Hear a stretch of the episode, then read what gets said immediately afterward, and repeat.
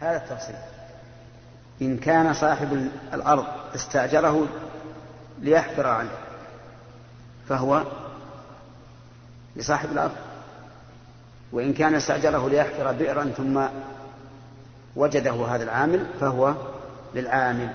إنما الأعمال بالنيات وإنما لكل امرئ ما نوى.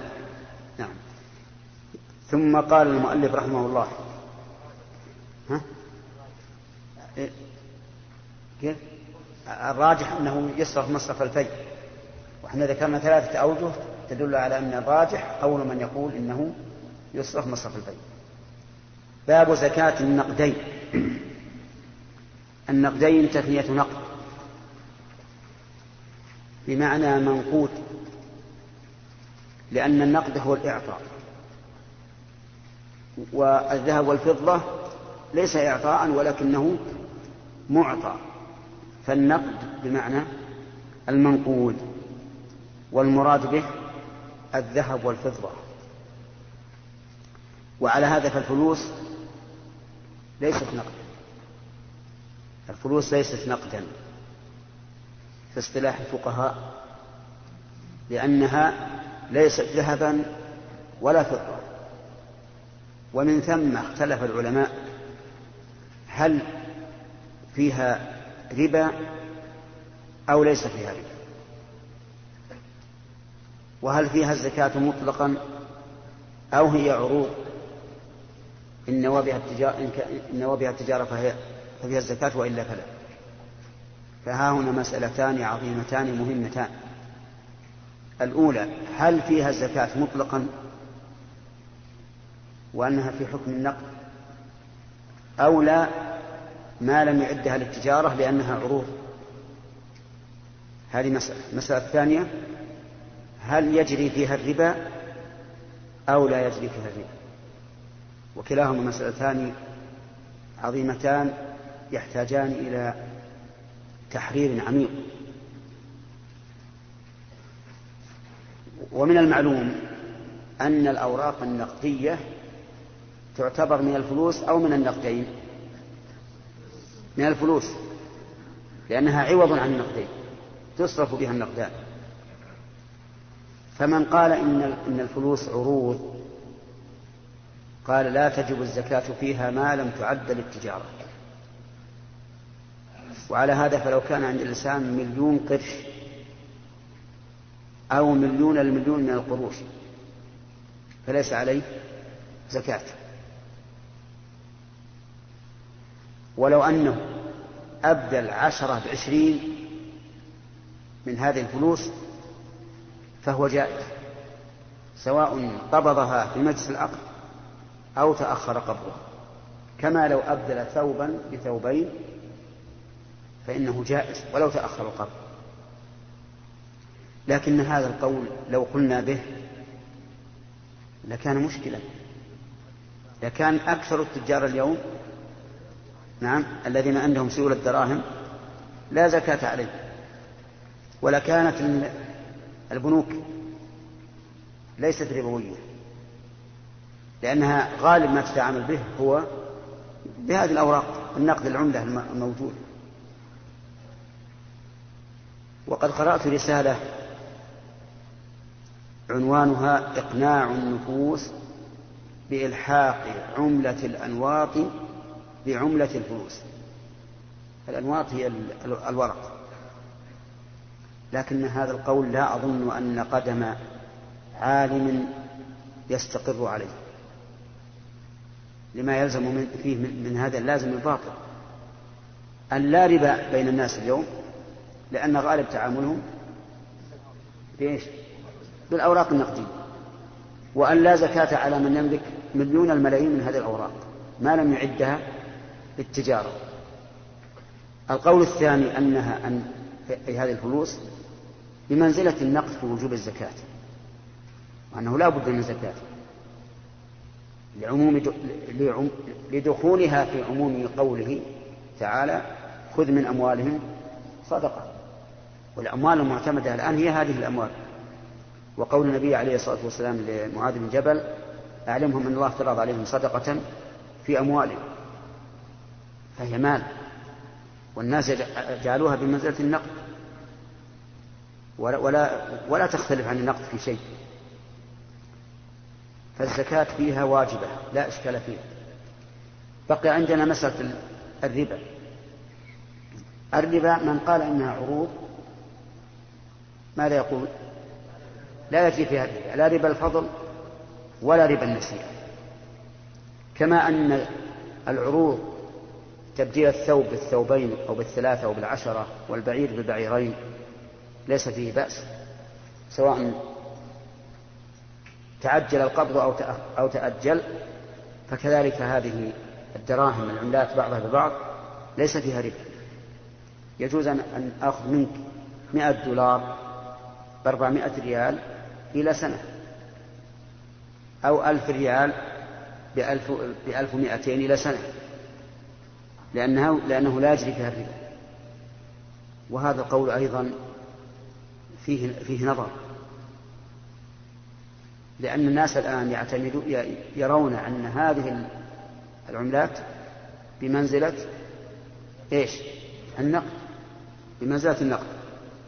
لا يفرقون فيها إلا تفريقا ضئيلا. ومنهم من يرى أنه يجري فيها ربا النسيئة دون ربا الفضل. ربا النسيئة دون ربا الفضل فيقول إن أبدلت بعضها ببعض مع تأخر القبض فهذا حرام سواء أبدلتها بالتماثل أو بالتفاضل. وإن أبدلت بعضها ببعض نقدا تقبضها في نفس العقد فهذا جائز مع التفاضل ومع التساوي. وهذا هو أقرب الأقوال في هذه المسألة. لا سيما مع اختلاف الجنس كصرف الريالات من المعدن بالريالات من الورق. فإن هذا فإن نفسي طيبة بجواز ذلك. وليس عندي في ذلك إشكال بأنه جائز. وقد اختلف فيه علماؤنا المعاصرون هل يجوز أو لا. فذهب بعضهم إلى التحريم وقال إن الريال المعدن هو ريال الورق. لا فرق فيه لا فرق بين هذا وهذا. وقال آخرون بل بينهما فرق لأن الجنس مختلف حقيقة وقيمة. وتسويتهما في القيمة باعتبار تقويم الدولة. قال والدليل على ذلك لو جئت بمئة كيلو من هذا المعدن ومئة كيلو من الورق. هل تختلف القيمة فيهما أو لا؟ ها؟ تختلف. الحديد يشترى لذاته والورق لا, لا, لا ليس له قيمة. لولا لولا تقدير الدولة له لم يكن له قيمة إطلاقا. قالوا فلما اختلف الجنس واختلفت الحقيقة واختلفت القيمة فإنه لا لا بأس به. كقول النبي عليه الصلاة والسلام إذا اختلفت هذه الأجناس فبيعوا كيف شئتم إذا كان يدا بيد. وبعض علمائنا يقول بالتحريم لأن المقصود فيهما واحد والأعمال بالنيات وإنما لكل امرئ ما نوى والدولة جعلتهما جعلت قيمتهما اعتبارية متساوية. وكان الشيخ عبد العزيز بن باز وفقه الله ورحمنا وإياه مع اللجنة الدائمة قد أصدروا فتوى بالتحريم. ثم إن الشيخ حدثنا في جلسة هيئة كبار العلماء في الطائف هذه الأيام قال كنت أقول بالتحريم ولكني توقفت فيه. توقف هل يحرم أو لا يحرم. أما أنا فإن نفسي طيبة بجوازه وليس عندي فيه شك. وكان شيخنا عبد الرحمن بن سعدي رحمه الله يجوز ذلك بل بل يجوز أكثر من هذا. يرى أنه يجوز التفاضل مع تأخر القبض بشرط أن لا يشترط أجلا معينا يعني مثلا لو أعطيتك عشرة بعشرة مئة مدة عوضا عنها أو أكثر فإن ذلك لا بأس به بشرط ألا يشترط الأجر. فيقول أعطيتك مثل المئة بمئة وعشرة إلى سنة فإن هذا ممنوع عند عند شيخنا عبد الرحمن.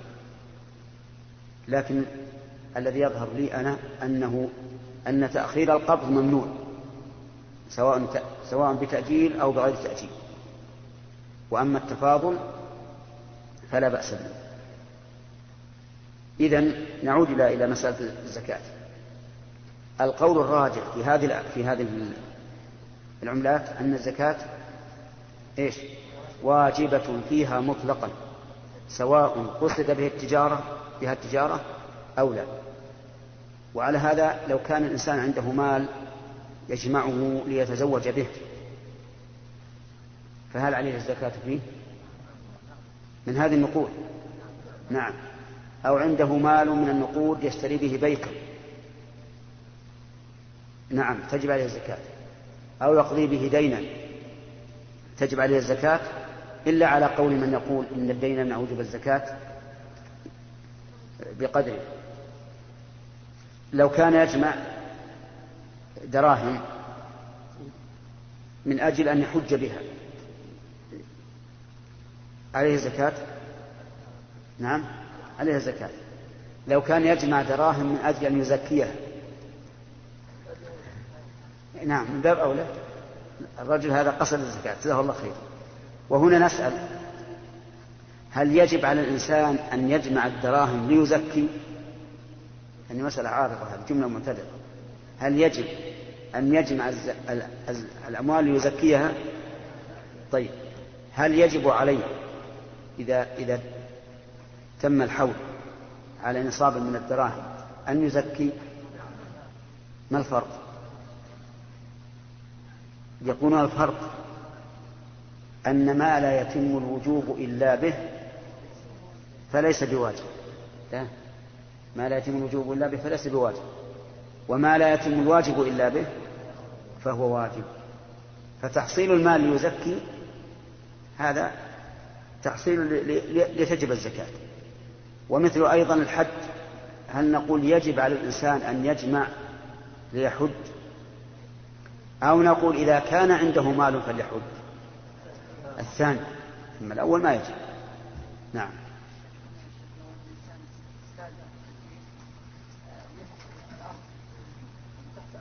للركاز.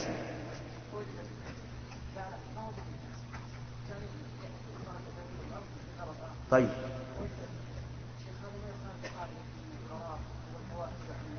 بلى. لكن ما أودع في الأرض فليس فليس تبعا لها. ما ما أودع في الأرض فليس تبعا لها.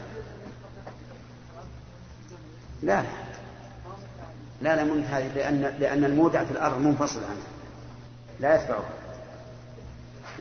نعم ثمن وجوب الزكاة في إيش؟ اي هل نملك البترول؟ أنا أملكه؟ ها. من يملكه؟ الحكومة تقول هذا ليس لي. هذا ليس لي. هذا للمصالح العامة. انتهي.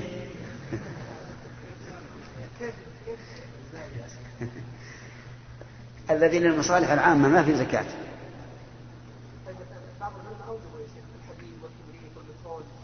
ما يخالف المعادن هذه التي تكون في ملك خاص هل يتصور أن يأجر بيت بترول؟ كيف يتصور؟ كيف؟ لا يتصور أنا أخشى أن يأتي يوم من الأيام يقول لا تبني هذا البيت حتى تراجع وزارة البترول يمكن يصير أما, أما الآن الآن شوف الآن الأملاك الكبيرة هذه المزارع الآن صدر قرار أخيرا بأنه ما يمكن أحد يعطى ورقة إحياء إلا بعد مراجعة وزارة البترول إيه؟ يخافون. نفط أو غيرها ما ندري. نعم.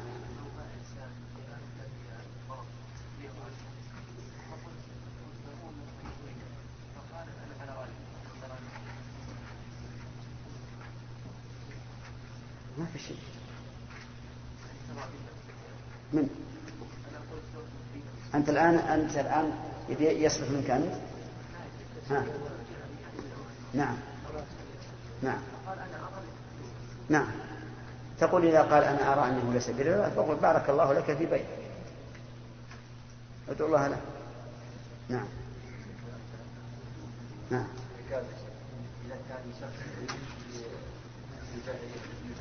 وكان صاحبه قد أسلم صاحبه أسلم يعني معلوم صاحبه؟ نعم.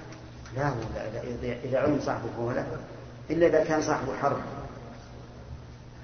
حربيا. إيه، أما إذا أسلم فهو لا. وإذا وإذا كان إذا كان كافرا حربيا فهو فليس له. لأن إذا كان له عهد فهو له. نعم. ها؟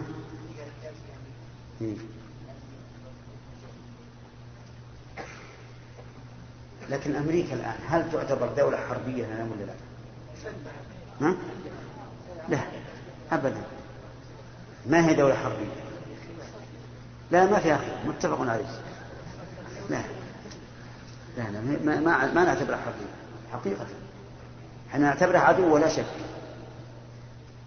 ولكن ما نعتبر إنها إنها حربية. الله المستعان. ما هو الرسول عاهد قريش وهم عاد له. مخرجين من بلده. وعاهدهم وصاروا معاهدين الصرب ما علم الصرب حربيين لا شك. اللي حارب جزء من المسلمين حارب المسلمين كلهم. نعم؟ ما على كل حال. نعم نعم والاوراق هذه واحدة ما يخالف. ما في معنى. الكلام على قيمتها الذاتية. حتى يا شيخ الله أنا الاوراق ما تشترى لذاتها حتى هذا يا شيخ لو كان حديدا ما ما عليها. الدولة لا لا لو فرضنا حديدا ما ما ما, ما صار له هذه القيمة الشرائية. لكن لكن يصير له قيمة غير قيمة الأوراق. الآن طن الحديد مثلا ما هو مثل طن الورق. لو جبت نتاف ورق نتاف ورق طن. وش يسوى؟ أقل كثير ما هو بشيء. لكن لو جبت طن حديد ولو نتاف من ذولي يسوى نعم.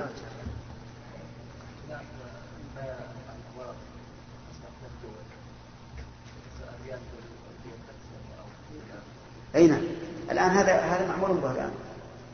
الآن مثلا عندنا الريال السعودي أظنه ب 1000 700 700 من من كيف؟ سبع ربيات وش اللي قالوا ب 100 في واحد الأفغاني؟ المهم على كل حال هذا اللي اللي وحده ب 100 أو ب 70 يزيد ينقص الآن. يجوز. يجوز ما نعم.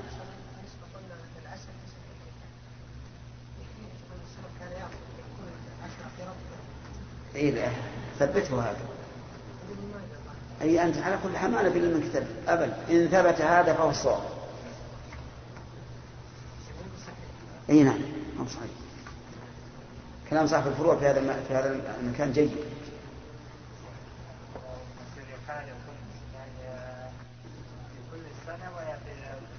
لا لا. في وقت أخذه فقط. ثم بعد ذلك ينظر هل هو مال زكوي؟ كالذهب والفضة فتكرر زكاته كل سنة زكاة ذهب والفضة. هل هو مال غير زكوي كالحديد مثلا؟ فليس في شيء. ها؟ الدرس القادم إن شاء الله مراجعة. الدرس القادم إن شاء الله مراجعة. إيش؟ نعم. نعم.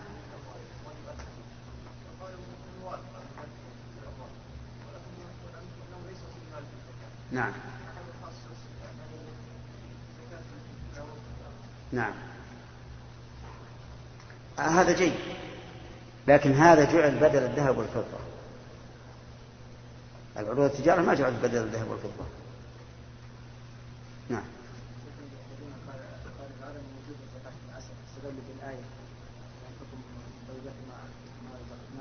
ما كسبت ما كسبت.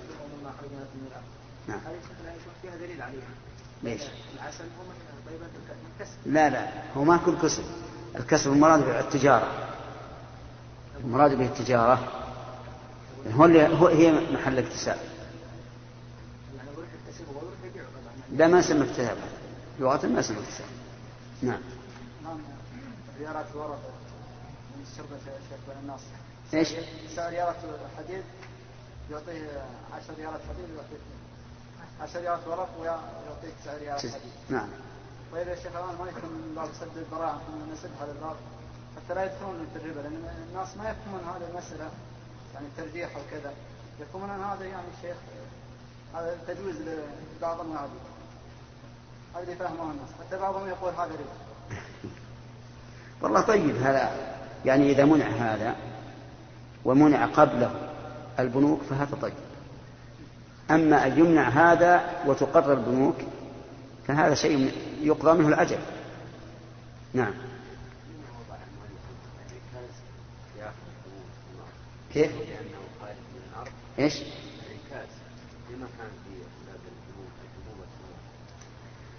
اي لأنه يشبه خارج من الأرض لكونه خرج من جوف الأرض يشبه هذا أنسب ما كان له. لو كان أرض الخراجين الذي يزرعه هو الذي يدفع الخراج. هل يدفع الزكاة والخراج معا؟ إي نعم. يعني لو كان المالك المالك هو الذي زرعها وجب عليه الخراج باعتباره مالكا للأرض. ووجب عليه العشر أو نصفه باعتباره مالكا للزرع. نعم.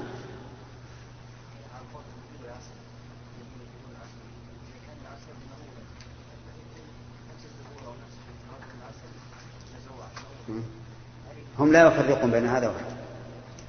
الذين أوجبوا فيما أعلم أنهم لم يفرقوا بين ما كان بمؤونة أو بغيره. انتهى الوقت. متى يجب العشر في الحبوب والثمار؟ إذا سقي؟ إذا سقي بغير مؤونة إذا كان بغير مؤونة يعني إيش كان؟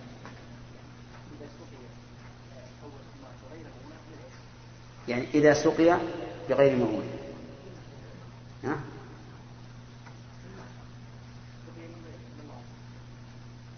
بغير مؤونة طيب ما تقول فيما يستخرج في المكان؟ بمؤونة كم فيه؟ نصف وما تقول فيما سقي بالمركز؟ رقص التوازي فيه. يعني ينبع. حفرنا بئرا فظهر الماء فبدأنا فبدأنا, فبدأنا نسقي من الأرض. في نصف العشر. أنت فاهم السؤال زين؟ ها؟ حفرنا بئرا احتوازيا فصار الماء يخرج منه نبعا ونسقي به الأرض. ثلاثة أرباع. لماذا؟ دخل في مؤونة وغير مؤونة. حين السقي هل في مؤونة؟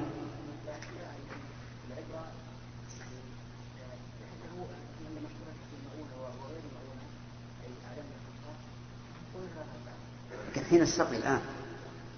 أنا المزارع يفجر الماء تفجير فقط. طيب حفر في مؤونة؟ طيب شق النهر أو الجدول من النهر مؤونة ولا غير مؤونة؟ شق الجدول من النهر؟ كيف؟ يحتاج إلى عمال مساحي تنقية ممر. موجود إلا موجود إيه؟ والماء في باطن الأرض. إيه لكن موجود. غاية ما هنالك حفرنا عليه وطلع. من قال بهذا التفريق من قال بهذا التفريق بين الذي يرى والذي لا يرى. ما حقق. طيب شو زايد؟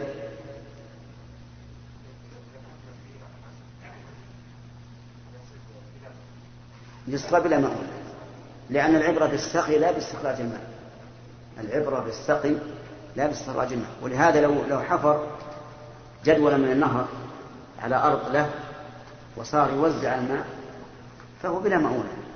وكذلك الذي يضرب مواصير في الأرض ويخرج الماء نبعا فإن السقي بلا مؤونة.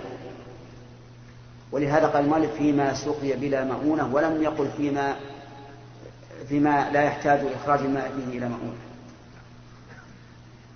هنا الآن المؤونة مقطوعة حفرنا وانتهى كل شيء. فحفر البئر في منزلة فتح الطريق للماء من النهر إلى الأرض. بخلاف المكاين المكان تشتغل ما يذهب قطرة من الماء إلا بالمؤونة طيب إذا كان يسقى نصف العام بمؤونة ونصف العام بلا مؤونة. الأخ. نصف العام بمؤونة ستة أشهر بمؤونة وستة أشهر بلا مؤونة. فما الواجب؟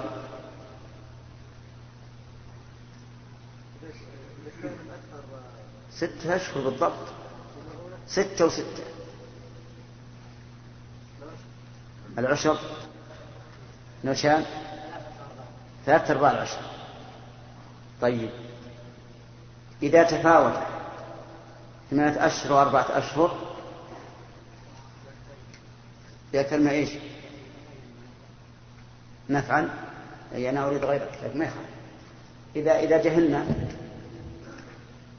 ها؟ العشر لماذا؟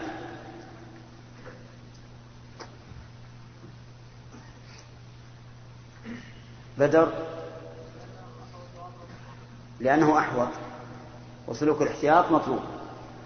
فصار الآن ما نعلم أنه سقي بلا مؤونة وما نعلم أنه سقي بمؤونة وما سقي بمؤونة وغيرها متساويا وما سقي بمؤونة وغيرها متفاوتا هذه أربعة أشياء. لا الجهل في هذا القسم الأخير. فما علمنا أنه بلا مؤونة فالعشر أو بمؤونة فنصف أو متفاوتا فبالأكثر نفع أو متفاوتا ولا نعلم أيهما أكثر نفعا فالعشر. طيب. أو متساويا فثلاثة أرباع العشر. طيب. يلا حكمة الله. ما معنى قول المؤلف ويجب العشر على مستأجر الأرض دون مالك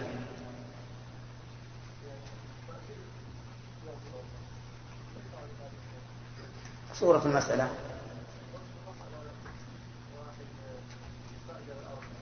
نعم. نعم. استأجر أرضا فزرعها فالعشر عليه لا على المالك لأنه هو مالك الزرع. تمام. طيب.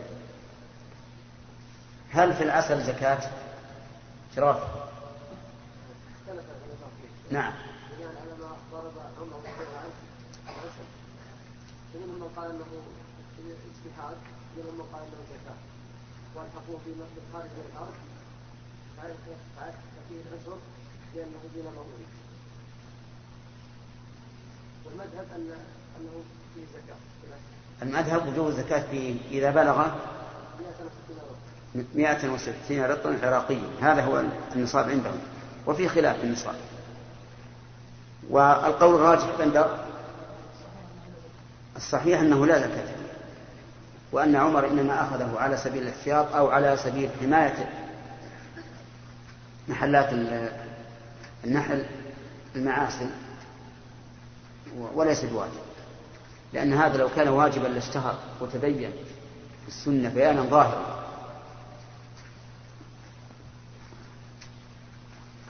طيب أخذنا أظن النقدين. نعم. مقدمة ما يخالف. ما المراد بالنقدين عبد الله خان الذهب والفضة. لماذا سمي نقدين؟ ينقدان في البيع والشراء. طيب.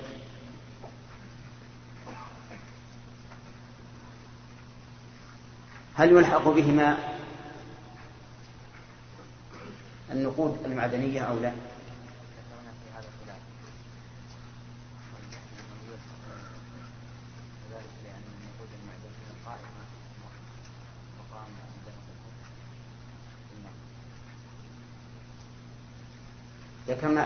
تقوم أن الزكاة تجب في النقود المعدنية لأنها تقوم مقام الذهب والفضة فثبت لها حكم طيب. أما من جهة الربا فقد ذكرنا أن القول الراجح أنه لا يجري فيها ربا الفضل. لاختلاف الجنس بينها وبين الذهب والفضة. فيجوز أن أبيع ريال فضة بألف ريال من من المعادن. أو بأقل أو بأكثر لأنه لا ربا فيها لا يجري فيها ربا الفضل وأن هذا هو القول الوسط الذي يقول يجري فيها الربا مطلقا والذي يقول لا يجري فيها مطلقا. نعم. أظن نعم. ما هذا وقت السؤال؟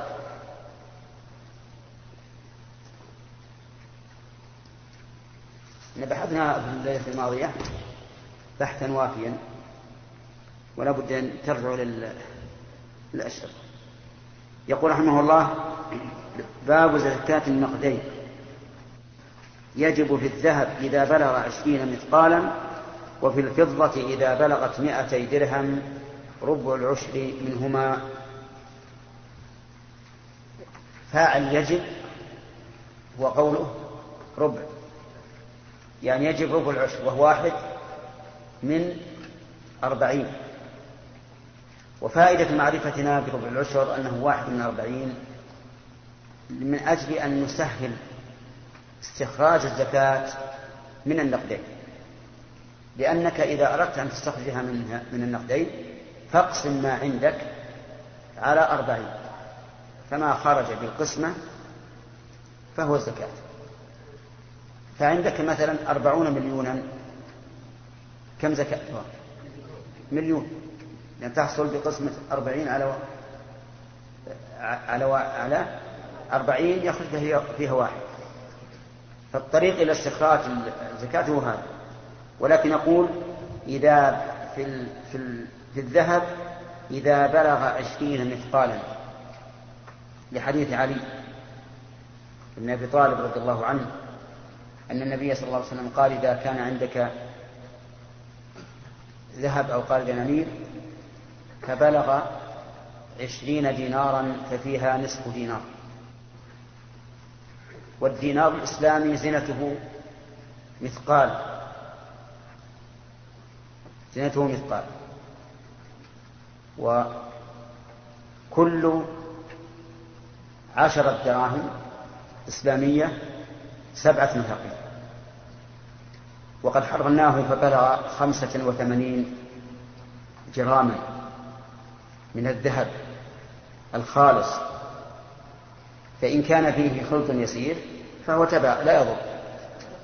تجب الزكاة فيه وإن كان فيه شيء يسير من من غير الذهب لأنه لأن الذهب لا بد أن يجعل معه شيء من المعادن من أجل أن يقويه ويصلبه وإلا لكان لينا يعرف لكن من أجل أن يصلبه يضيفون إليه شيئا من المعادن لكن هذه الإضافة يقول العلماء إنها يسيرة تابعة فهي كالملح في الخبز أو في الطعام.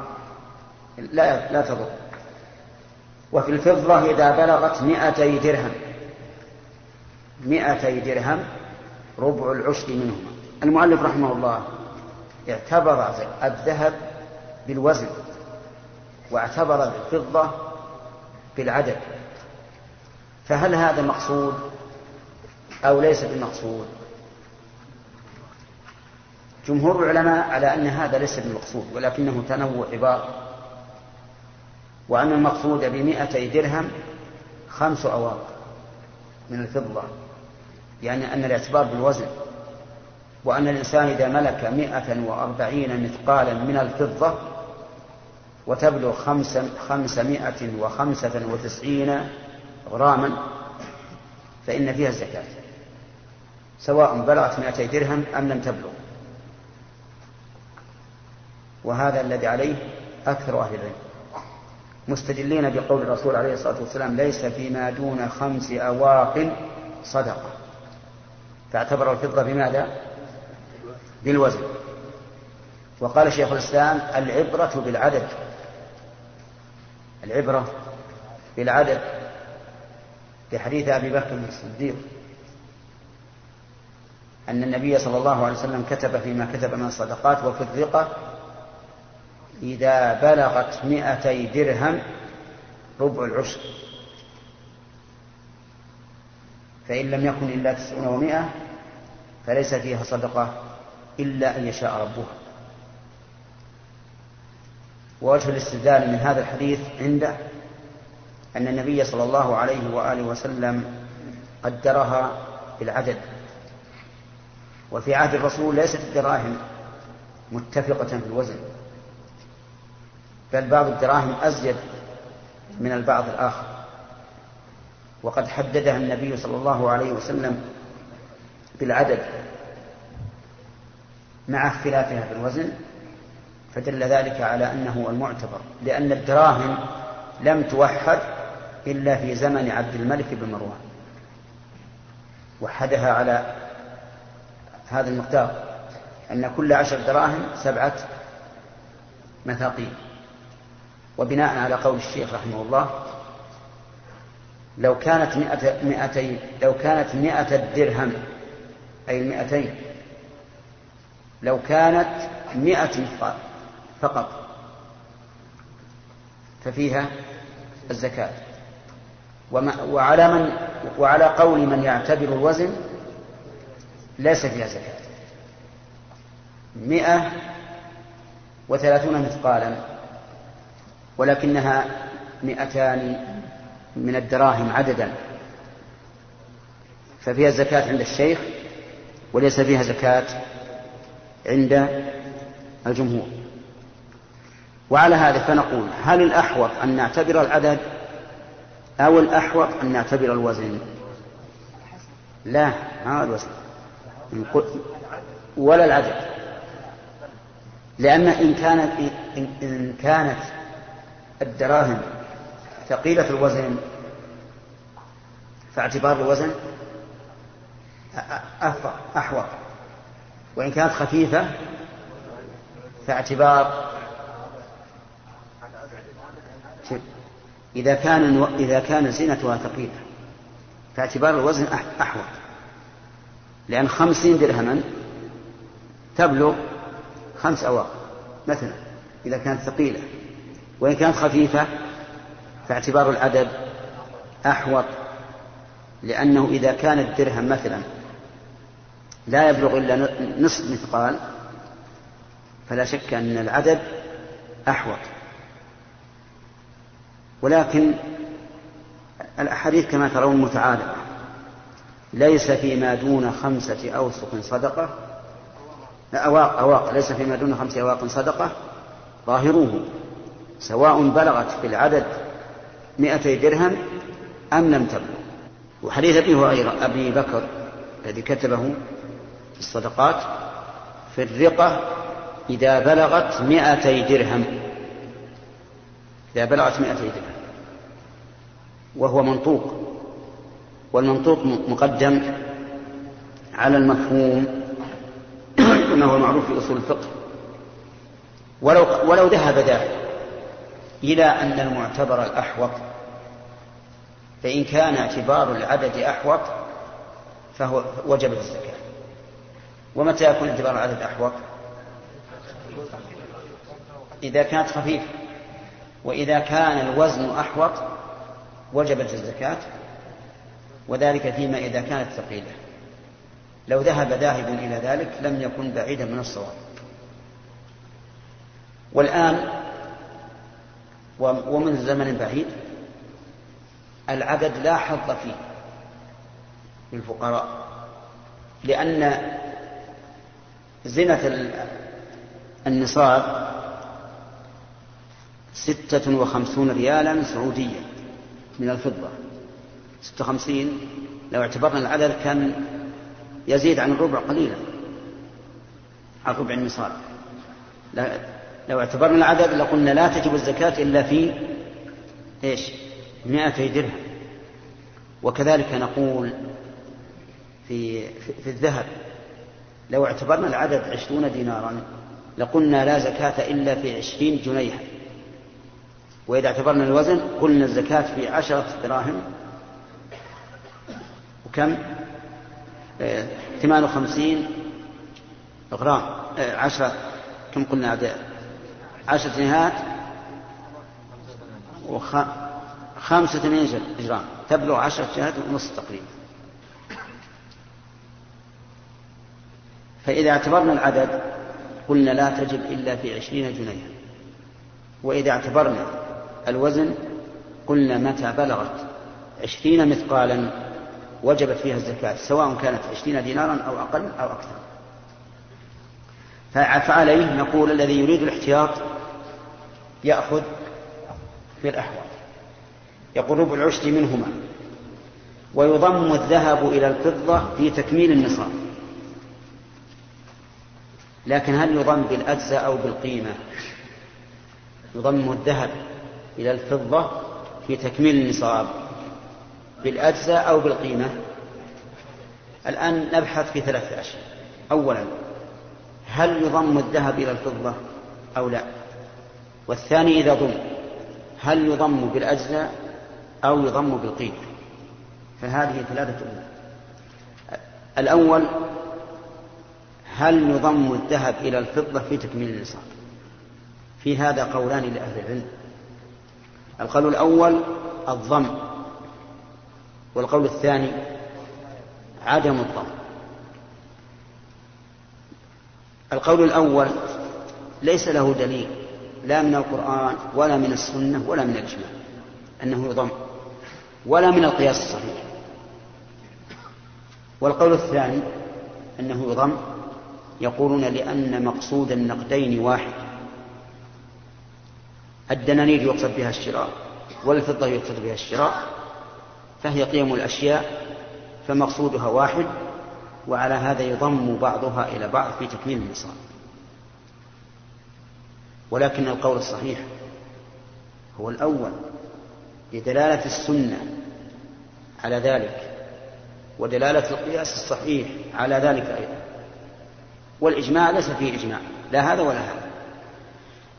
دليل السنة أن الرسول عليه الصلاة والسلام قال ليس فيما دون خمس أواق صدقة. وهذا يشمل ما إذا كان عنده من الذهب ما يكمل خمس الأواق وما لا يكمل. وكذلك قال في الدنانير إذا كان عندك عشرون دينارا وهذا يشمل ما إذا كان عنده دون عشرين وما إذا كان عنده عشرون. يعني معناه ما إذا كان عنده دون عشرين فلا زكاة عليه سواء كان, سواء كان عنده من الفضة ما يكمل به أم لا. وأما القياس فنقول إن الشعير لا يضم إلى البر في تكميل النصاب. فلو كان عند الإنسان من الشعير نصف نصاب ومن البر نصف نصاب لم يضم أحدهما إلى الآخر مع أن المقصود منهما في ولا سيما في عهد الرسول صلى الله عليه وآله وسلم واحد وهو أنهما قوت ومع ذلك لا يضم أحدهما إلى الآخر حتى على من رأى ضم الذهب إلى الفضة. فالقياس الصحيح إذن أنه لا يضم الذهب إلى الفضة. فإذا كان عنده عشر دنانير ومائة, ومائة درهم فلا زكاة عليه. فليس عليه زكاة. لأن الذهب وحده والفضة وحدها. أما على القول بالضم فهل يضم بالأجزاء أو بالقيمة؟ المذهب أنه يضم بالأجزاء لا بالقيمة. ويظهر الخلاف بالمثال. فإذا كان عند الإنسان ثلث نصاب من الذهب ونصف نصاب من الفضة وقيمة ثلث النصاب من الذهب تساوي نصف نصاب من الفضة. فهل يضم الذهب إلى الفضة؟ على قول من يقول إنه يضم بالأجزاء.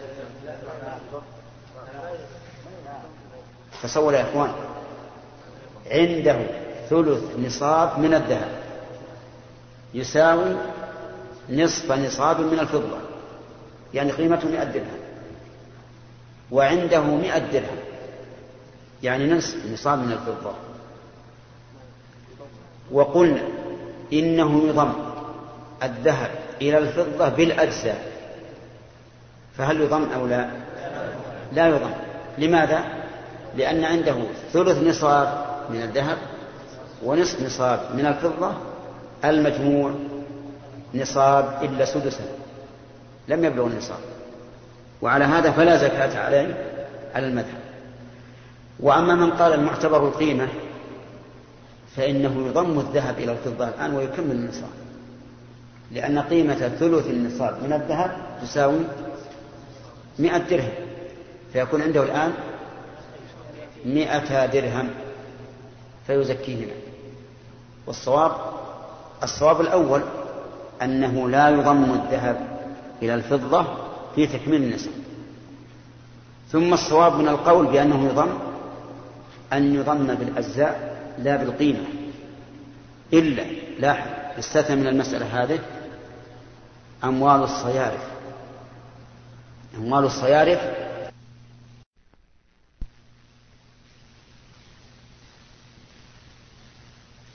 الآن مئة درهم فيزكيهما. والصواب الصواب الأول أنه لا يضم الذهب إلى الفضة في تكميل النصاب ثم الصواب من القول بأنه يضم أن يضم بالأجزاء لا بالقيمة. إلا لاحظ استثنى من المسألة هذه أموال الصيارف. أموال الصيارف فإنه يضم فيها الذهب إلى الفضة. لا لا ضم جنس إلى الجنس ولكن لأن المراد بهما التجارة فهما عروض تجارة.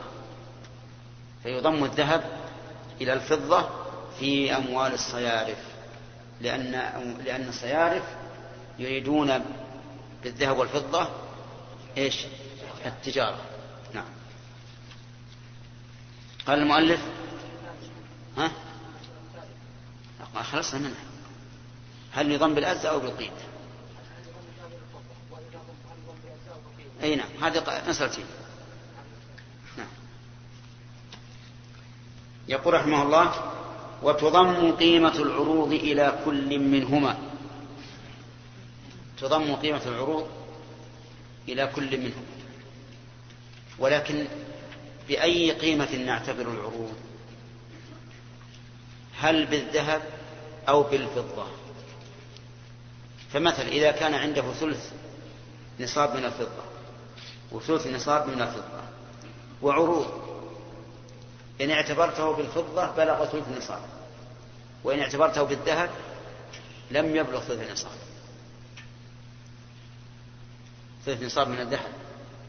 فهل نعتبر قيمته بالذهب أو قيمته بالفضة؟ قال أهل العلم إن عروض التجارة تعتبر بالأحظ للفقراء. فإذا كانت تبلغ نصابا من الفضة لا نصابا من الذهب قومت بالفضة. وإذا كانت تبلغ نصابا من الذهب لا, لا نصابا من الفضة قومت بالذهب. فتضم قيمة العروض إما من الذهب إن كان أحد الفقراء أو من الفضة إن كانت أحد الفقراء إلى كل منهما. ولكن الصحيح في هذه المسألة مبني على الصحيح فيما سبق وهو أنه تضم قيمة العروض إلى أحد النقدين الأحظ للفقراء ولا يضم أحد النقدين إلى الآخر ما لم يكن مال صيرفي لأنه تجارة. الخلاصة الآن قيمة العروض تضم أو لا؟ تضم على القول الصحيح والمذهب أيضا تضم. لكن هل تضم للذهب أو للفضة؟ الأحظ للفقراء. تضم إلى الأحظ للفقراء من الذهب أو الفضة. طيب. إذا قلنا بضم نصاب الذهب إلى الفضة وقيمة العروض إلى الفضة أو الذهب فهل نخرج من كل جنس زكاته منه أو من أحدهما. المذهب لا بد أن نخرج زكاة كل جنس منه. فنخرج من الذهب ذهبا ومن الفضة فضة. واضح؟ لأن الحديث ربع العشر في الرقة ربع العشر. عشر إيش؟ عشر رقة. عشرها يعني. وكذلك في حديث الذهب فيه نصف دينار أي من الذهب. فتخرج الزكاة من كل جنس منه. كما قالوا في حبوب الثمار. تخرج من كل نوع منه. تخرج من كل نوع منه. والصحيح الصحيح أنه لا بأس أن تخرج من أحد النوعين يعني بالقيمة. هذا هو الصحيح. نعم.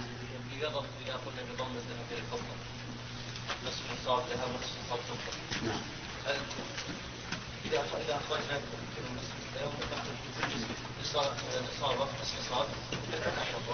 كيف؟ لو أخرجنا يعني فضة ضمن الذهب إلى الفضة نعم. إخراج الزكاة. الصحيح على ما ضمن على قول بالضم تخرج من زكاة الذهب منه من الذهب وزكاة الفضة من الفضة هذا المذهب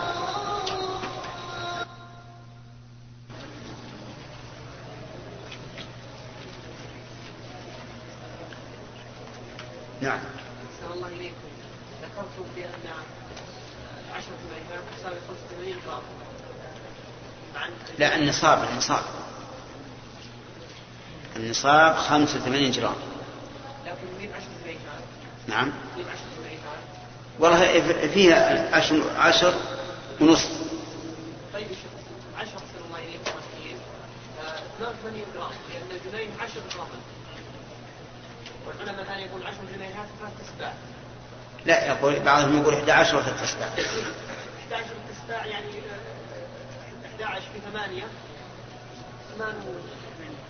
88 أكثر من 88 لأن الجنيه الحين 10 جرامات اليوم تحط الجنيه في الميزان يطلع 10 10 إيش؟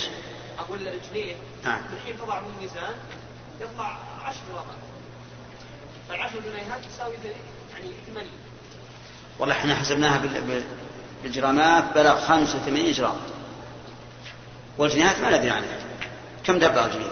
الجنيه؟ اي الآن؟ اي 10 جرامات 10 جرامات طيب كم يصير يصير 85 لا جنيهات. ثمانينات ونص. ثمان ونص. إيه هذا ثمان ونص. أحد يقول عشر واحد يقول 11 ثلاث أسباع. وحنا كنا نقول هذا وكتبناها في كتابنا آه، وجود زكاة الحلي. لكن قالوا للصراحة إن ما تقول إلا هذا. الصاغة الصاغة قالوا لنا إنها لا تبلغ إلا 85 جرام لا عشرين مثقال كم ما ندري عاد كم الجنيه اي الكلام يوزن يوزن كم يجي من مثقال الأحسن أن أنت أظنك لك صلة بأهل الذهب. لا أسألهم كم يجي من مثقال أحسن. ما ندري بشيء يعني. والله نوريكم إياه مباشرة يعني. نعم. لا أنا عارف نعرف نعرف. ما هو ما في إشكال. نعم. إيش؟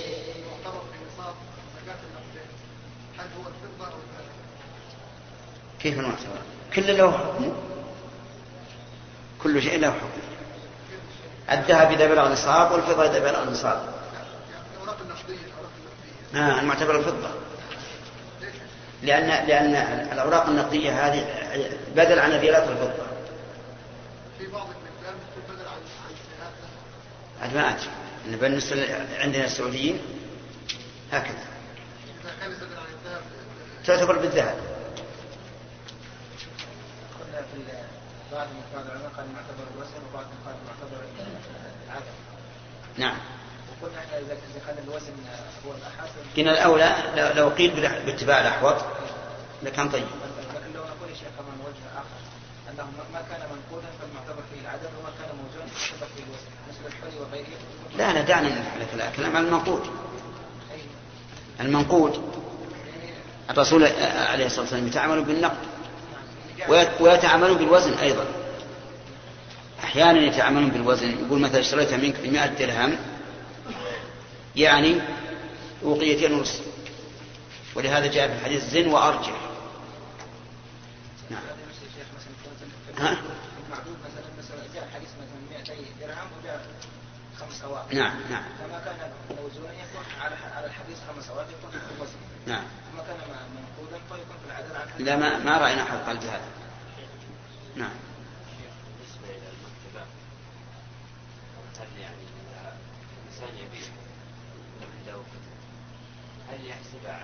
هذه بيجينا زكاة العروض إن شاء الله. نعم. طيب لدى ما تم الوقت؟ انتهى.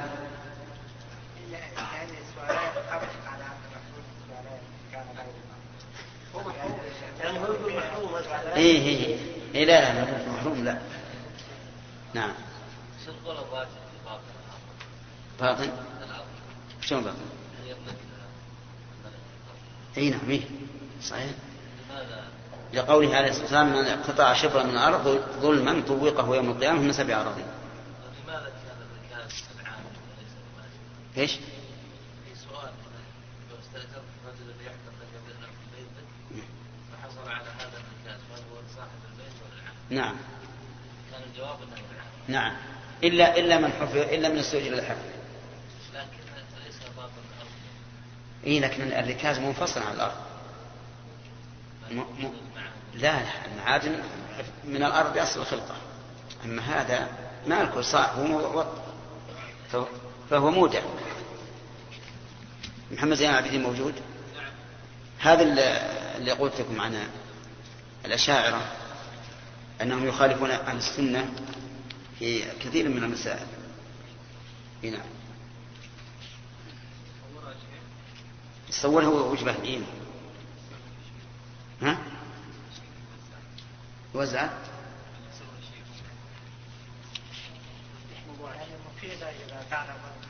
موضوع أننا أن كثير من الإخوان يظنون أن الأشاعرة لا يخالفون أهل السنة إلا في مسألة الصفات. وجدناهم يخالفون في أشياء كثيرة. نعم. حتى في إثبات وجود الله. أي نعم. نعم. هذا البحث للشيخ الدكتور سفر الحوادي.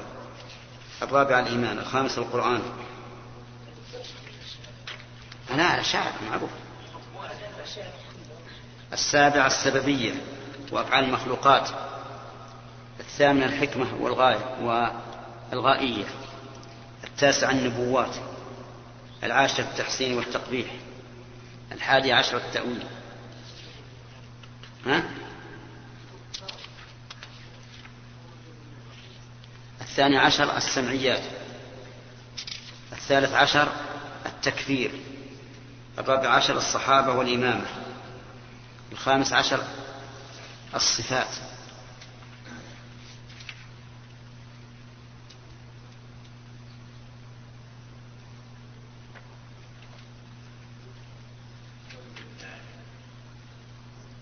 يقول وليس هناك مذهب أكثر أكثر تناقضا من مذهب الأشاعرة. اللهم إلا مذهب الرافضة.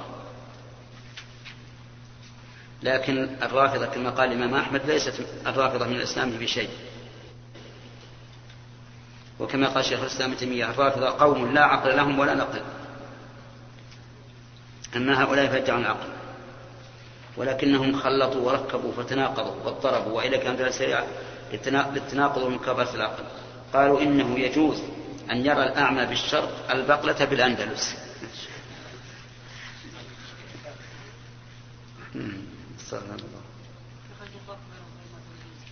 نعم.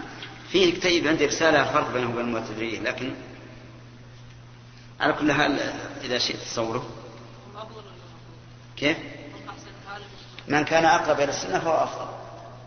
يقول الضم أنا أقرأ الآن في تكميل النصاب في هذا قول لأهل القول الأول الضم والقول الثاني عدم الضم. القول الأول ليس له دليل لا من القول ولا من السنة ولا من الإجماع ولا من القياس الصحيح. والقول الثاني يقولون لأن مقصود النقدين واحد. القول الأول. يقولون لأن مقصود النقدين واحد الدنانير يقصد بها الشراء والفضة يقصد بها الشراء فهي قيم الأشياء فمقصودها واحد فمقصودهما واحد وعلى هذا يضم بعضه بعضهما إلى بعض في تكميل النصاب. ولكن القول صحيح. إذا شوف حط والقول الأول بدل القول الثاني.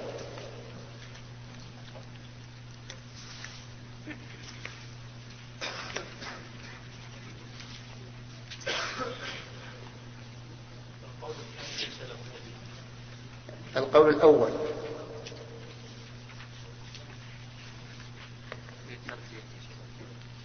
القول الأول يقولون لأن مقصود النقدين واحد الدنيا يوصل بالشراء إلى آخره. ولكن القول الصحيح هو الثاني.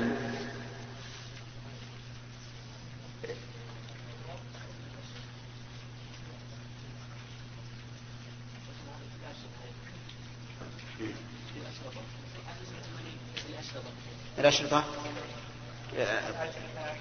أي كيف؟ مثل مكتوب؟ يعدل يعدل. هي يقول يعدل. لأن تدري وش السبب؟ السبب أني أنا نسيت إن القول الأول اللي قلت هو الظن. أو عدم الظن فلذلك عكست. ينبه صحته؟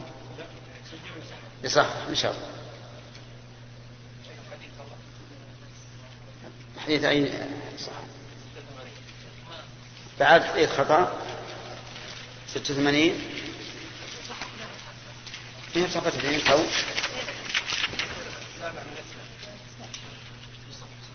ستة وثمانين.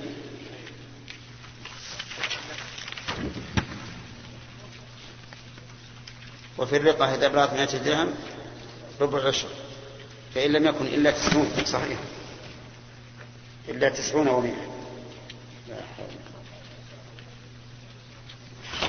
إلا تسعون ومئة فليس فيها صدقة إلا أن يشاء ربها طيب. الآن نعم. إيش؟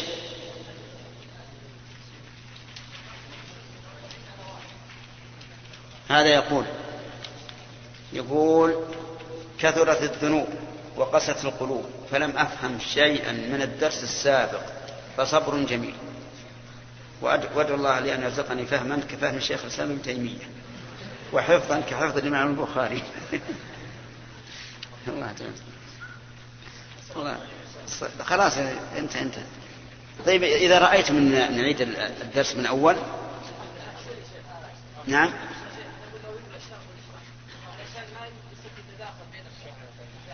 ها؟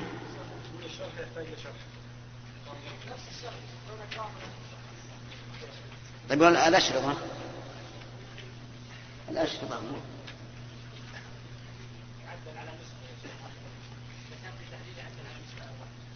طيب.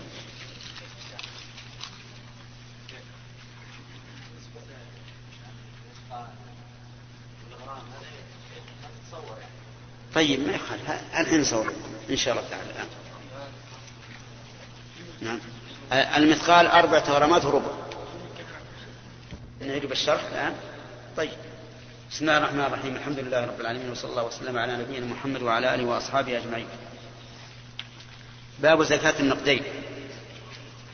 النقدين هما الأثمان من الذهب والفضة وسمي بذلك لأنه لأنها تنقد عند البيع والشراء.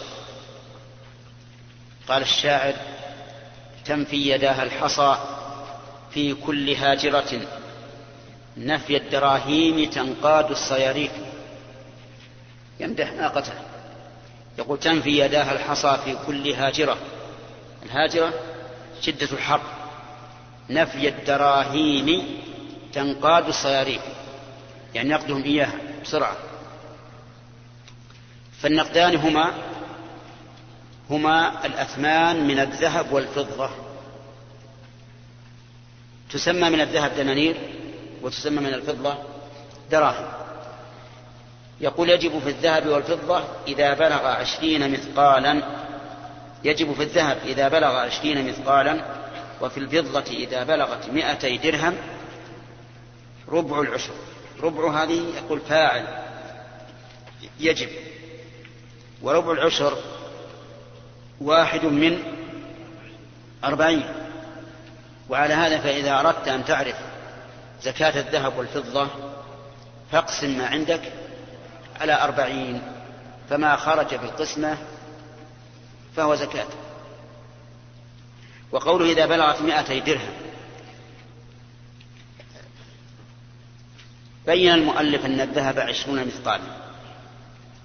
فما هي نسبة الفضة في المثاقيل نقول كل درهم كل عشرة دراهم كل عشرة دراهم سبعة مثاقيل وعلى هذا فتكون مئة الدرهم تكون مئة وأربعين مثقالا. أليس كذلك؟ مئة وأربعين مثقالا. اضربها في أربعة غرامات وربع تبلغ خمسمائة وخمسة وتسعين غراما. طيب. يقول نقرأ الشرح فاعل يجب هو قوله ربع يعني يجب ربع العشر وهو واحد من أربعين وفائدة معرفتنا بربع العشر أنه واحد من أربعين من أجل أن نسهل استخراج الزكاة من النقدين. لأنك إذا أردت أن تستخرجها من النقدين فاقسم ما عندك على أربعين فما خرج في القسمة فهو الزكاة. فعندك مثلا أربعون مليون. أربعون مليونا. هذا غلط في النسبة. عندك مثلا أربعون مليونا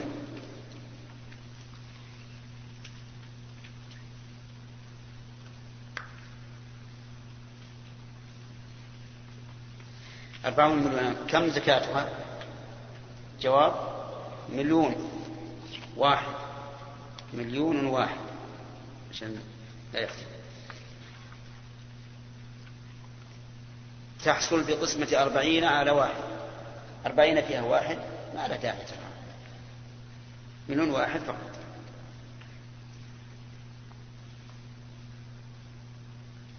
فالطريق إلى استخراج الزكاة هو هذا. ولكني أقول في الذهب إذا بلغ عشرين مثقالا لحديث علي بن أبي طالب أن النبي صلى الله عليه وآله وسلم قال إذا كان عندك ذهب أو دنانير فبلغ عشرين دينارا ففيها نصف دينار. والدينار الإسلامي زينته مثقال وكل عشرة دراهم إسلامية سبعة مثاقيل وقد حررناه فبلغ خمسة وثمانية جراما من الذهب الخالص. فإن كان فيه إيش؟ فإن كان فيه خلط خلط يسير فهو تبع لا يضر. تجب الزكاة فيه وإن كان فيه شيء يسير من غير الذهب لأن الذهب لا بد أن يجعل معه شيء. شيء بالرخ شيء من المعادن لأجل أن يقويه ويصلبه وإلا لكان لينا يعرك. لكن من أجل أن يصلبه يضيفون إليه شيئا. شيئا من المعادن ولكن هذه الإضافة يقول العلماء إنها يسيرة ثابتة فهي أو تابعة.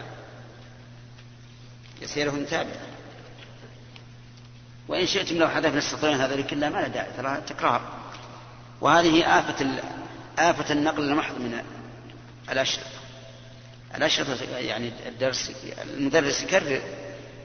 ولهذا لو كان اللي ينقل عنده بصيرة الشيء المكرر يحذفه كان هذا طيب. يعني لكن من أجل أن يصلي به ما ذكرناه فوق. لكن من أجل أن يصلي به يضيفون إلى شيء من المعادن لكن هذه الإضافة يقول العلماء أنها يسيرة ثابتة تابعة تابعة. فهي كالملح في الطعام لا تضر. طيب هذه اللي فوق يكفي عنه. طيب. وفي الفضة إذا بلغت مائتي درهم ربع عشر منهما المؤلف رحمه الله اعتبر الذهب بالوزن واعتبر الفضة بالعدد. فهل هذا مقصود أو ليس بالمقصود؟ جمهور العلماء على أن هذا ليس بالمقصود ولكنه تنوع عبارة. ها؟ كيف؟ المؤلف مؤلف. هل الم... المؤلف المؤلف المتن يقول يجب في الذهب إذا بلغ عشرين مثقالا وفي الفضة إذا بلغت مائتي درهم. عرفت؟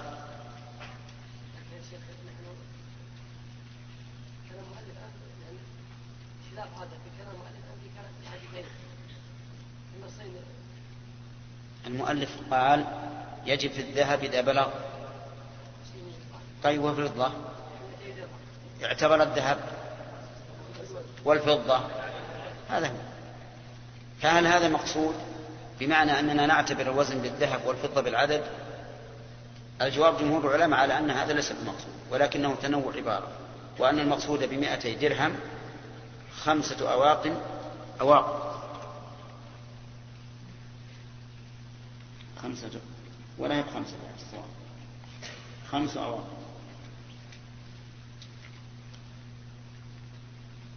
خمس أواق من الفضة. يعني الاعتبار بالوزن وأن الإنسان إذا ملك مئة وأربعين مثقالا من الفضة وتبلغ خمسمائة وخمسة وتسعين.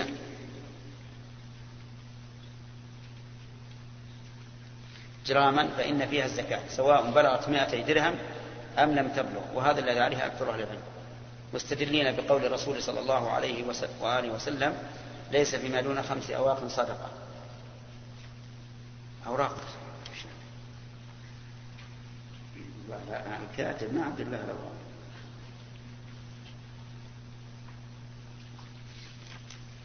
فاعتبر الفضة بما بماذا؟ الجواب بالوزن.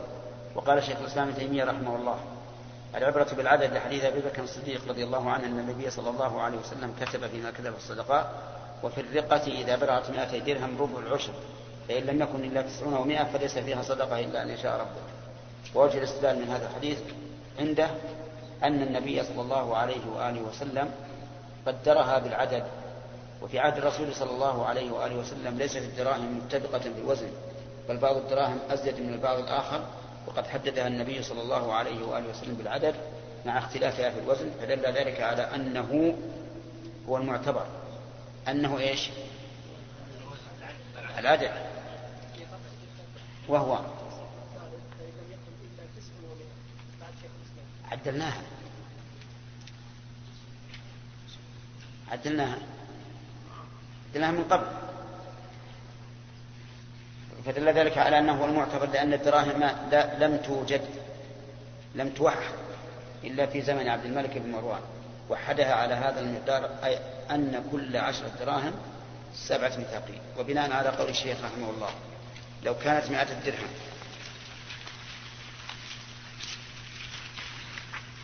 أي أي أي مئتي لو كانت مئة درهم. نعم.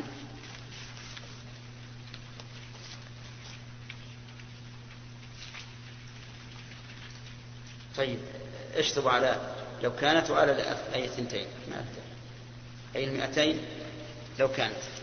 لو كانت مئة الدرهم مئة مثقال فقط ففيها الزكاة وعلى قول من يعتبر الوزن ليس فيها زكاة. مئة وثلاثون مثقالا ولكنها مئتان ولكنها مئتان من الدراهم. ولكنها مئتان من الدراهم عددا. ففيها زكاة عند الشيخ وليس فيها زكاة عند الجمهور. وعلى هذا فنقول هل الأحوط أن نعتبر العدد أو الأحوط أن نعتبر الوزن؟ الجواب لا الوزن ولا العدد لأنه إن كانت الدراهم ثقيلة ثقيلة الوزن فاعتبار الوزن أحوط. إن كانت الدراهم ثقيلة الوزن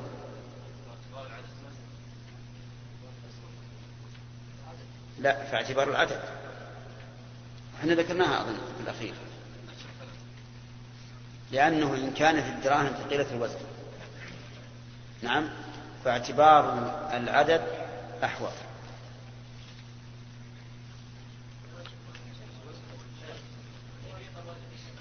طيب ما يخالف. إذا كانت ثقيلة إذا كانت ثقيلة فلا بد أن تكون 140 مثقال دون المئتين. أليس كذلك؟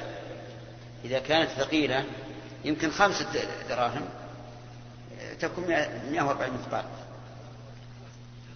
لا. اعتبار العدد أحوط. لا لا.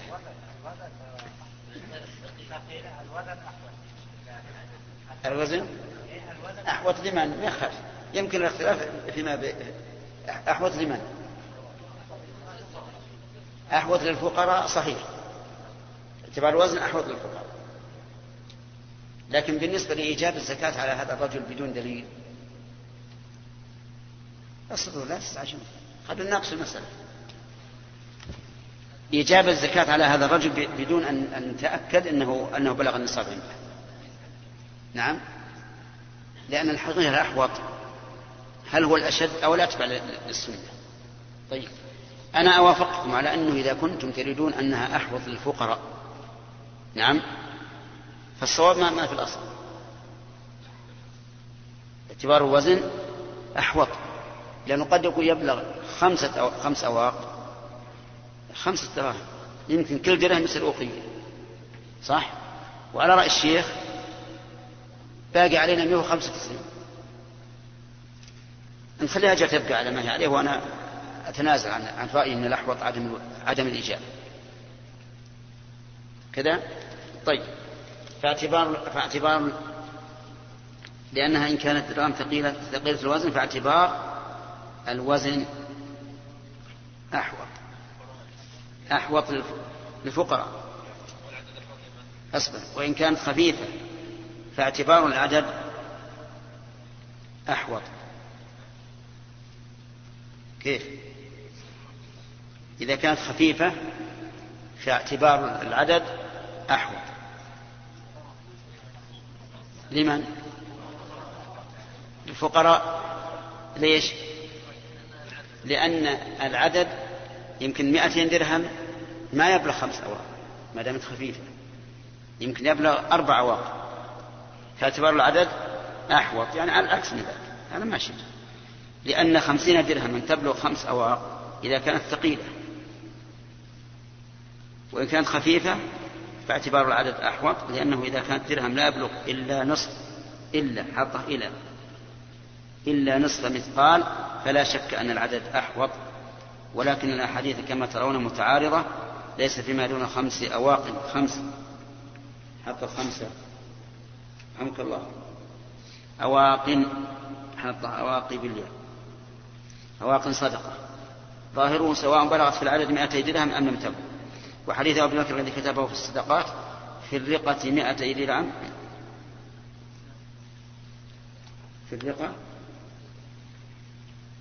إذا بلغت. إذا بلغت. مائة درهم وهو منطوق والمنطوق مقدم على المفهوم كما هو معروف في أصول الفقه ولو ذهب ذلك ولو ذهب ذاهب. أحسن. ذلك؟ ذاهب. إلى أن المعتبر الأحوط فإن كان اعتبار العدد أحوط وجبت الزكاة ومتى تج... وإن كان الوزن ومتى تجب ما لا داعي. ولا ولا جواب. وجبت الزكاة. وإن كان الوزن أحوط وجبت الزكاة. ها؟ كيف؟ وجبت الزكاة. بس. فإن كان اعتبار العدد أحوط يعني على ما سبق في الفقه وجبت الزكاة. وإن كان العدد أحوط الوزن أحوط وجبت الزكاة. ولو ذهب ذاهب فلو ذهب ذاهب إلى ذلك لم يكن بعيدا من الصواب.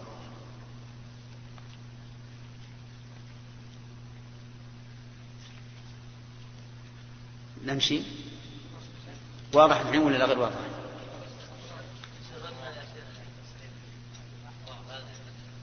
عن إيش؟ ولهذا أنا أنا أرجو السلام أو انتفاء البطيء لا توزعونه لنا صح. لا توزعونه لنا صح. نعم. لا تصحيحه على كل حال ما ما يتم ما يتم عليه وجوب الزكاة. يعني ما يتم عليه الحول الا هو جاي إن شاء الله. نعم. كيف؟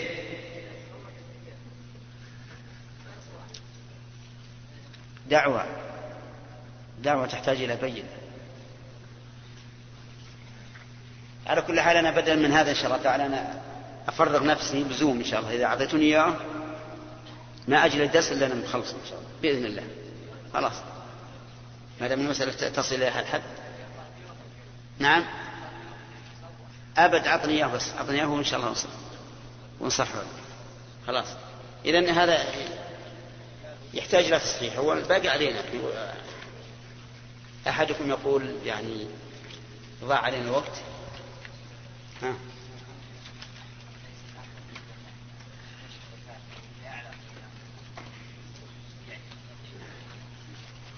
اللي كتبنا هذا هو الصحيح. تأمله هو الصحيح. طيب ممكن نعيده على على على عجل يعني نعيد شرح الكتاب على عجل وإن شاء الله تعالى ستفهمون. ما دام جزاك الله خير. اصبر اصبر هذه من اعطني بسم الله الرحمن الرحيم. الحمد لله رب العالمين وصلى الله وسلم على نبينا محمد وعلى آله وأصحابه أجمعين. نعيد باختصار. باختصار ولا إن شاء الله يكون واضح. يقول مالك رحمه الله تعالى يجب في الذهب إذا بلغ عشرين مثقالا والفضة إذا بلغت ربع العشر إذا بلغت 200 درهم ربع العشر منهما.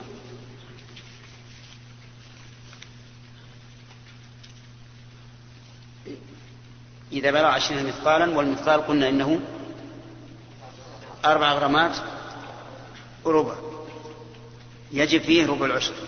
في الفضة إذا بلغت مائتي درهم وقلنا إن مائتي درهم مائة وأربعون مثقالا. اضرب المثل اضرب مائة وأربعين بأربع وربع يبلغ خمسمائة وخمسة وتسعين غرام. إذا بلغت هذا المبلغ وجب ربع العشر منهما. لأن هذا هو النصاب.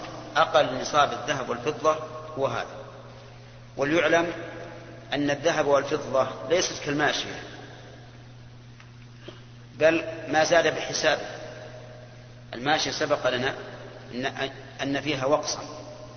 فما بين الفرضين ليس فيه شيء. أما هذه لو زاد حبة واحدة فإن الزكاة تجب فيها إذا بلغ النصاب. ويضم الذهب إلى الفضة في تكميل النصاب. فإذا كان عنده نصف نصاب من الذهب ونصف نصاب من الفضة وجب عليه الزكاة. فيخرج من الذهب ربع عشره ومن الفضة ربع عشره. وإذا كان عنده ثلثاء نصاب من الذهب وثلث نصاب من الفضة فكذلك تجب عليه الزكاة. وهذا ما ذهب إليه المؤلف رحمه الله. وعللوا ذلك بأن مقصود النقدين واحد وهو أن يكون قيم الأشياء قيم وهو, وهو أن يكون قيم الأشياء. فقيمة الأشياء إما ذهب وإما فضة. فلما كان المقصود منهما واحدا وجب أن يضم أحدهما إلى الآخر. ولكن الصحيح أنه لا يضم أحدهما إلى الآخر. ووجه ذلك أن السنة دلت على أن زكاة الذهب غير واجبة حتى يبلغ عشرين مثقالا وأن زكاة الفضة غير واجبة حتى تبلغ خمس أواق ليس فيما دون خمس أواق صدقة. صريح. في الذهب قال إذا بلغ عشرين دينا إذا بلغ عشرين دينارا. صريح أيضا. وتعليلهم بأن المقصود منهما واحد منقوض. هو أولا قياس في مقابلة النص فهو فاسد الاعتبار. والثاني أنه قياس منقوض. بماذا؟ بالبر مع الشعير. فإن البر مع الشعير مقصودهما واحد وهو القوت ومع ذلك لا يضم أحدهما إلى الآخر في تكميل النصاب. كذلك أيضا منقوض بالمواشي. لو كان عند الإنسان نصف نصاب من الضأن ونصف نصاب من البقر فهل يكمل أحدهما بالآخر لا مع أن المقصود واحد هذا رجل عنده بقر وعنده ضأن ينميهما ومع ذلك لا يضم أحدهما إلى الآخر في تكميل النصاب. وبهذا عرفنا ضعف هذا القول الذي ذهب إليه المؤلف رحمه الله وهو ضم الذهب إلى الفضة في تكميل النصاب. أولا لأنه مخالف للسنة ف وما خالف السنة فهو قياس فاسد. والثاني أنه منقوض. منقوض بماذا؟ بأنهم لم يقولوا بضم الشعير إلى الحنطة ولا بضم الضأن إلى البقر مثلا.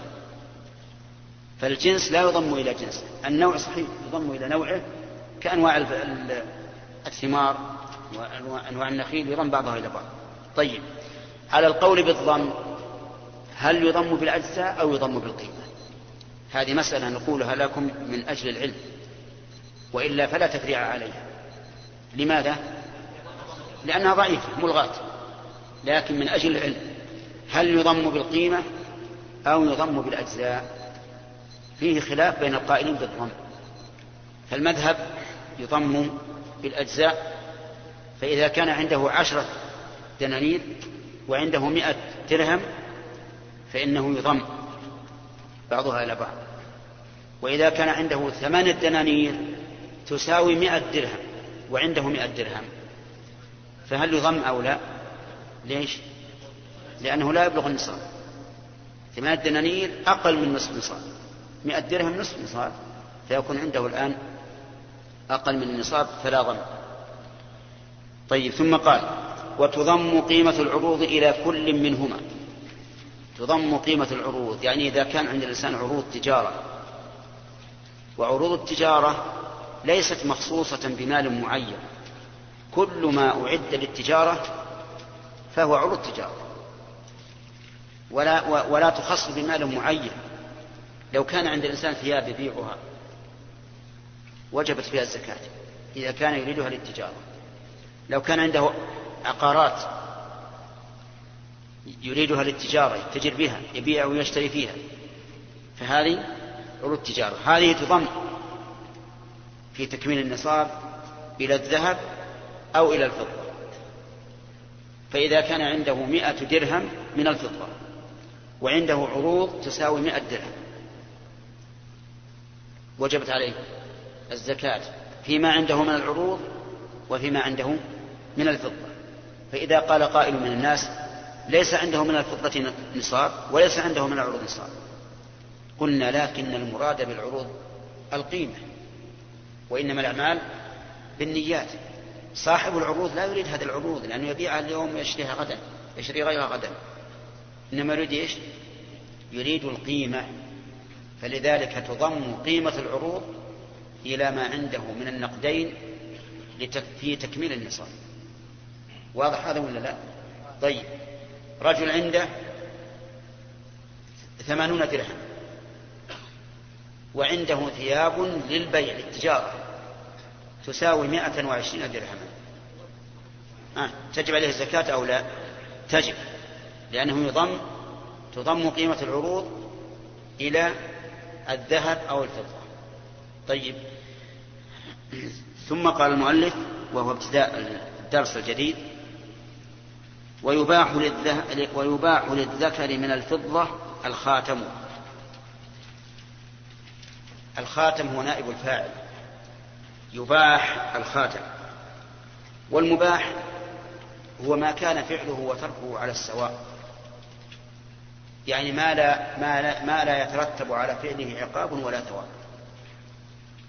إن فعله الإنسان لم يعاقب ولم يثب وإن تركه لم يعاقب ولم يثب. ولكن استطرادا نقول المباح أصله على الإباحة. أصله على الإباحة. إن شئت تفعل وإن شئت لا تفعل. لكن قد يكون وسيلة إلى شيء فيعطى حكم ذلك الشيء.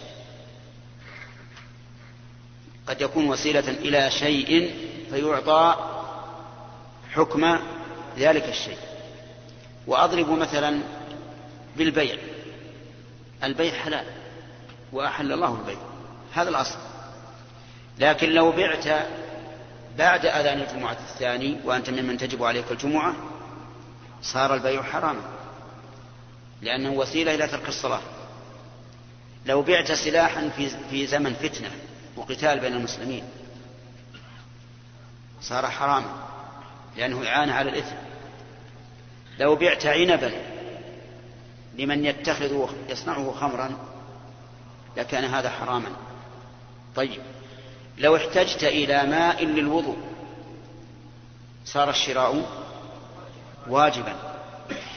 إذن فالمباح في الحقيقة هو في أصله مباح ولكن إذا كان وسيلة إلى شيء أعطي حكم ذلك الشيء. إن كان وسيلة إلى مأمور به أمر به وإن كان وسيلة إلى منهي عنه نهي عنه. وقول من قال من الأصوليين إنه لا لا وجود للمباح. أولا لأنه ليس فيه تكليف وثانيا أنه لا بد أن يكون له أثر. أقل ما فيه إذا كان مباح أنه يضيع الوقت وتضييع الوقت مكروه إذا اشتغل يعني إذا اشتغل به الإنسان ولكن الصحيح بلا شك أن فيه المباح. الله يقول وأحل الله البيت وقال وأحل لكم ما وراء ذلك. الصواب بلا شك أن أن الإباحة قسم من أقسام الأحكام الشرعية. يقول يباح للرجل من الفضة الخاتم. الخاتم هل ال هنا للجنس؟ فيشمل الخاتم والخاتمين والثلاثة والأربعة والخمسة أو أن ال للوحدة. هذا هو الظاهر أن الإنسان يباح له واحد من الخاتم. هذا هو ظاهر كلام المؤلف رحمه الله. والثاني مما يباح طبيعة السيف. طبيعة السيف يعني ما يجعل على رأس السيف من الفضة. والحكمة من ذلك أن فيه إغاظة للعدو. إغاظة للعدو. أيها الإخوة وبنهاية هذه المادة نودعكم ونلقاكم إن شاء الله في إصدارات قادمة. مع تحيات مؤسسة الاستقامة الإسلامية للإنتاج والتوزيع في عنيزة. رقم الهاتف والفاكس صفر ستة ثلاثة ستة أربعة خمسة ثمانية ثمانية صفر. ورقم صندوق البريد اثنان وخمسمائة وألف.